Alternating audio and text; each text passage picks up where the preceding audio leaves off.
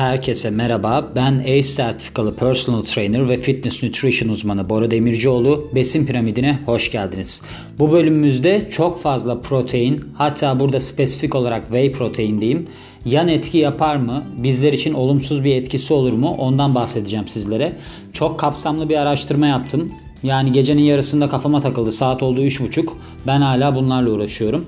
Ama her şeyi bulabileceğiniz bir çeviri oldu. O yüzden içiniz rahat olacak şekilde dinleyebilirsiniz. Şimdi şöyle bir şey var biliyorsunuz. Çok fazla whey protein tüketmek ki whey protein bilmeyenler için söyleyeyim. Yani bunu dinleyip de bilmeyen pek yoktur diye düşünüyorum ama whey protein şu aslında protein tozu diye geçen şey. Hani eğer siz bir anne babaysanız buradan bilirsiniz. Hani spor yapan çocukların içtiği filan protein tozları var ya onlardan bahsediyorum. Whey proteinin böbrek ve karaciğere zarar verdiği ve hatta kemik erimesini yani osteoporoza sebep olduğunu söylüyorlar. Şimdi whey proteinin ne olduğunu anlatalım ilk önce. Whey protein aslında sütten ayrılan sıvı yapımı sırasında, peynir yapımı sırasında ve sonrasında filtreleniyor, rafine ediliyor, kurutuluyor. Whey proteinin 3 tane çeşidi var. Bunlardan en yaygın olanı %70-80 protein içeren daha fazla laktoz, yağ ve süt mineraline sahip olan whey konsantre. Bu en ucuzudur aynı zamanda. İkinci olarak izole whey var. Bunda %90 ya da daha fazla protein oluyor. Daha rafine ve daha az laktoz var içerisinde ve tabii ki daha da az yağ ve daha az faydalı mineral var. Bir de hidrolize olanı var. Hidrolize olanı da önceden sindirilmiş ve daha hızlı emilim oluyor. Bunun farkı bu. Aslına bakarsanız bunların hiçbir farkı yok bence de. Neyse siz istediğiniz gibi. Çünkü çok fiyatları fark ediyor lüzumsuz. Bu hidrolize whey mesela çok izole whey çok pahalı. Şimdi whey protein içerisinde tüm gereken yani tam bu tam profil tüm amino asitler var ve esansiyeller de var. Yani vücut tarafından üretilemeyen dışarıdan alınması gereken. Çıkabilecek sorunlara bakalım. Sindirim sorunları, şişkinlik, gaz, mide krampı, ishale yol açabilir.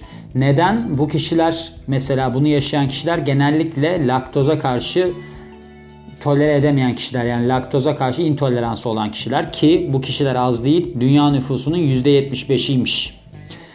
Laktoz duyarlılığınız varsa whey'in izole formu daha iyi oluyormuş. Ya da onun yerine soya proteini, işte bezelye proteini, yumurta proteini de tercih edebilirsiniz. Yine söyleyeceğim. Yumurta proteini %95 biyoverimlilikle en iyi kullanılan proteindir. Aklınızda bulunsun. Bazı kişiler veya alerjik yani inek sütüne karşı alerjik oluyormuş. Bu duyarlılık değil bir alerjik yani bağışıklık sisteminin buna reaksiyon göstermesi. O zaman da tehlikeli durumlar olabiliyor. Biliyorsunuz yani nefes almanızı bile engelleyebiliyor. Böyle bir durumunuz varsa hiç girişmeyin derim. Doktorunuza sorun derim. Kabızlık, laktoz intoleransı demin bahsettiğimiz gibi sebeple bağırsak hareketleri yavaşlayabiliyor. Bu kabızlık durumunda böyle bir şey ortaya çıkabiliyor. Bir de bazı kişilerin şöyle bir durumu var. Diyete girerler. Diyete girdikleri noktada da derler ki ben artık karbonhidratı da hiç almayayım. Proteini de protein tozu olarak alayım. E geriye hiçbir şey kalmaz. Bu sefer ne olur? Lif yok hiç ortamda. Sonra kabız olurlar. Nereden biliyorum bu kişileri biliyor musunuz? Ben onlardan birisiydim. O yüzden sonrasında anal fissür ameliyatına girene kadar giden bir maceram oldu. Yaşamayın diye söylüyorum. Böbrek hasarından bahsedelim. Yüksek protein böbrek içi basıncı artırıyor. Yani artırıyor derken artırabilme ihtimali var ve daha fazla kan filtrelemek zorunda kalıyor böbrekler. Şimdi bu durumda sorun yaratır mı bu bize? Bu sağlıklı kişilerde sorun yaratmıyor ama şöyle eğer ki böbrek rahatsızlığınız varsa daha önceden bu sorun yaratabilir doktorunuza danışın deniliyor.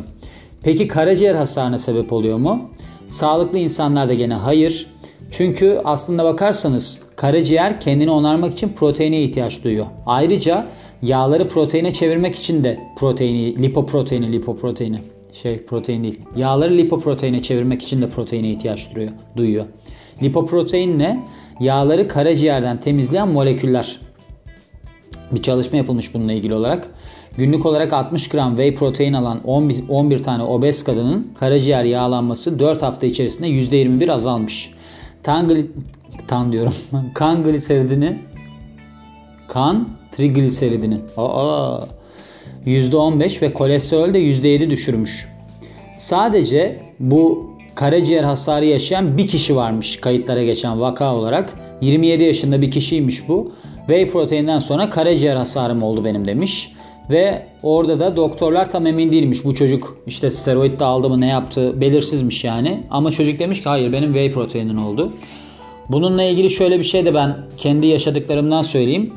Annemler demişti ki benim arkadaşımın oğlu işte whey o senin içtiğin protein tozlarından kullanmış. Ondan sonra sarılık olmuş filan diye. Ben dedim ki nasıl ya ne kadar kullanmış filan. Tabi belirsiz. Neyse şansıma çocukla ben tanıştım.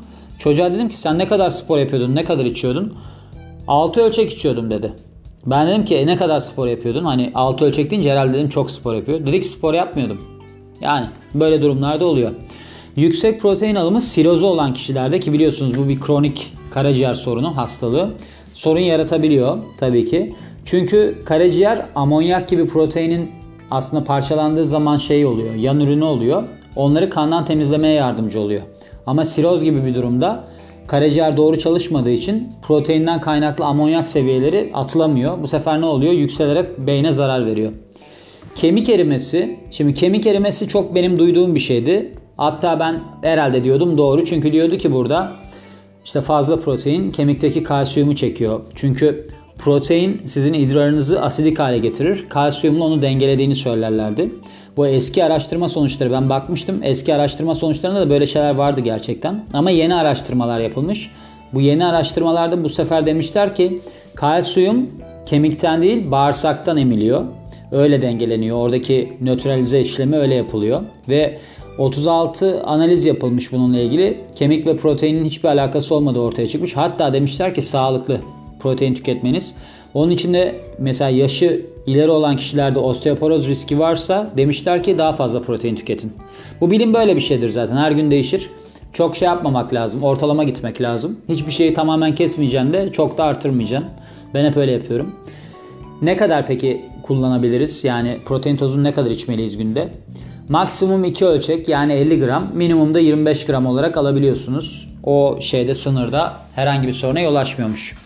Evet gördüğünüz gibi güzel bir konu. Protein tozu. Yani ben tadını sevdiğim için içiyorum zaman zaman. Onun haricinde pek tükettiğim bir ürün değildir. Ben yumurta yiyorum. Yumurta proteini iyi. Öyle şeylerle besleniyorum ki çok da önemli değil yani proteini falan. Vücut ne eksikse ona çevirir emin olun. Yani siz eğer ki Mr. Olympia falan olmayı karar vermediyseniz ki ona karar verdiyseniz de protein tozunun yanında biraz eczacı bir arkadaşınız da olması gerekir. O yüzden çok gerekli değildir yani. Rahat olun diyorum. Tadı hoşunuza gidiyorsa, whey protein kullanırken anneniz babanız bak bunlar çok zararlıymış falan diyorsa dinletmeniz için size bir kayıt bırakıyorum. Hayrını görün diyorum. Evet. Beni dinlediğiniz için çok teşekkür ederim. Ben Bora Demircioğlu. Yeni bir bölümde görüşmek üzere. Hoşçakalın.